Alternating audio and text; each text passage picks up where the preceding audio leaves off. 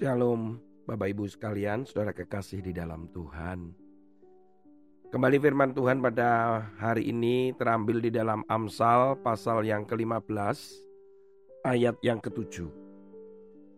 Bibir orang bijak menaburkan pengetahuan, tetapi hati orang bebal tidak jujur.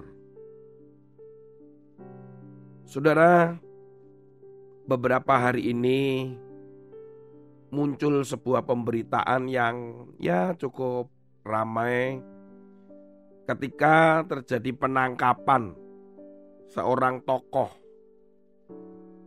Tokoh dari ormas, tokoh juga disebut sebagai ulama yang awalnya dipanggil dalam pemanggilan itu untuk dimintai keterangan setelah pemeriksaan 9 jam ternyata menjadi tersangka. Awalnya yang datang dengan para pengikut yang jumlahnya cukup banyak berteriak-teriak, berorasi sementara memasuki di mana tempat pemanggilannya beliau. Ternyata walaupun didampingi oleh pengacara pun berakhir menjadi tersangka. Ada hal yang tidak diduga oleh tokoh ini yaitu menyebarkan berita-berita palsu terkait dengan terbunuhnya beberapa orang beberapa bulan yang lalu. Di mana orang yang meninggal ini yang memang ditembak oleh polisi karena melawan. Ternyata disebarkan olehnya bahwa ada penyiksaan kepada korban yang meninggal. Salah satunya yang dikabarkan adalah disiksa seperti para jenderal pada zaman G30 SPKI. Kukunya dicabut lah, yang apalah begitu. Tapi memang saya pernah mendengarkan itu di sebuah channel di YouTube di mana para pendukungnya mengatakan bahwa memang itu tidak yakin. Saya kadang ketawa ya. Wong tidak yakin tapi disebar-sebarkan. Gak ada bukti dan saksi tapi disebar-sebarkan. Ketika itu sebuah ucapan yang tidak yakin atau sekedar asumsi dijadikan sebuah pembenaran dan kebenaran. Nah ini yang repot. Kemudian masyarakat bisa menerima, menelan begitu saja. Yang akhirnya bisa berakibat kebencian terhadap pihak-pihak tertentu. Termasuk benci pemerintah, benci kepolisian. Jadi dengan kata lain itu berita palsu, hoax. Dan ditangkap. Ancamannya lima tahun. Yang menjadi heran bagi saya adalah begini. Coba saudara juga renungkan. Kok ya ada ya orang yang menyebarkan berita palsu dan tenang saja gitu. Seperti ulama yang tadi ditangkap. Tenang saja tuh. Ngomong berkoar-koar dengan nada keras, menulis di media sosial, panggil wartawan misalnya. Tenang aja bahwa sebenarnya Tahu nggak sih bahwa itu adalah kebohongan? Firman Tuhan hari ini jelas dikatakan bibir orang bijak itu menaburkan pengetahuan. Artinya kalau saudara itu hidupnya bijak, artinya dipenuhi oleh firman karena bijak itu terkait dengan hikmat loh saudara. Ketika hidup kita dipenuhi oleh firman dan kita hidup di dalam firman, maka yang keluar dari mulut kita itu adalah kebenaran. Yang ada itu dimasukkan pengetahuan itu adalah kebenaran itu. Sama seperti tertulis di dalam Yohanes pasal yang ke-8 ayat yang ke-32. Yesus berkata demikian, "Dan kamu akan mengetahui kebenaran, dan kebenaran itu akan memerdekakan kamu." Pada ayat yang ke-31 dikatakan jikalau kamu tetap dalam firmanku, kamu benar-benar adalah muridku. Dan kamu akan mengetahui kebenaran. Jadi kalau orang yang mengeluarkan hoax, kabar buruk, kabar bohong, palsu, fitnah.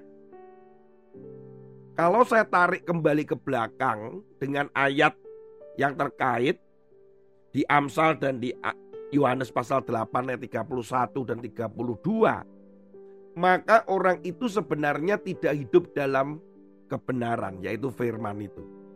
Firman itu ada di dalam hidupnya, tetapi tidak menghidupi kehidupannya. Banyak orang percaya cuma bisa menyampaikan firman, cuma bisa membaca firman,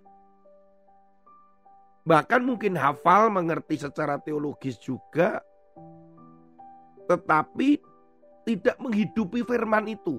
Sehingga yang keluar adalah kemunafikan, kebusukan, kebohongan, penipuan. Kalau dikatakan di dalam Amsal dikatakan tidak jujur. Di mana hati nuraninya? Di mana hatinya? Saudara kekasih dalam Tuhan, lebih baik seorang ibu atau seorang bapak yang sederhana di desa yang mungkin, mungkin dia tidak mengerti teologi yang begitu dalam. Firman yang dia dengar, yang dia baca mungkin dalam kesederhanaan lewat radio, Alkitab yang kumal, yang samar-samar dibacanya mungkin masih terjemahan yang lama. Yang mungkin mengatakan firman tidak seindah para pengkhotbah yang memang menguasai secara teologi, bahkan mengerti apologetik, eskatologi, tetapi si ibu dan bapak ini dalam kesederhanaannya melakukan firman, menghidupi firman. Yang mungkin cuma bisa memberikan persembahan beras, cuma bisa memberikan kangkung, cuma bisa memberikan padi atau apa pun. Tapi hidupnya melakukan firman Tuhan. Bukankah sebenarnya itu yang Tuhan mau. Ini sudah jarang sekali, saudara. Semoga renungan hari ini, ayo mari kita yang hidup di dalam firman, dalam kebenaran ini, kita keluarkan yang benar, kita lakukan yang benar. Bukan tipu sana, tipu sini. Bahkan bisa jadi menjuat ayat Alkitab demi kepentingan demi agenda pribadi, keuntungan, dan memanipulasi orang lain. Saudara kekasih di dalam Tuhan, mari kita dengan hati nurani yang murni ini, yang dipenuhi oleh firman, tetap katakan kebenaran. Tetap katakan kebenaran. Dengan jujur, terbuka, saya percaya kebenaran yang dikatakan yang saudara dan saya katakan itu penuh kuasa. Mari sama-sama kita menguatkan, sama-sama diingatkan hari ini. Jangan sekedar hanya membaca, bisa khotbah, mendengar saja tentang firman Tuhan. Tetapi hidupi firman itu dalam kehidupanmu dan katakan kebenaran itu kepada orang lain. Taburkan itu, katakan itu. Jangan kabar-kabar yang bohong, jujurlah.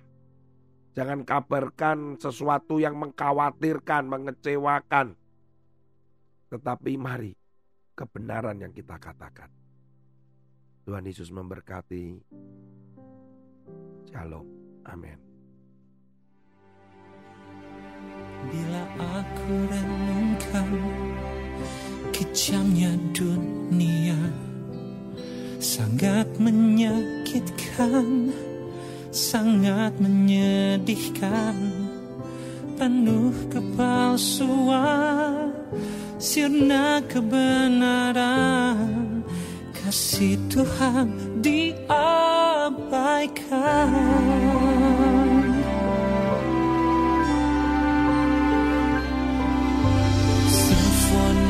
indah selalu ku dengar. Tak seirama, tak seindah kata Hanya air mata selalu bercerita Betapa kejamnya dunia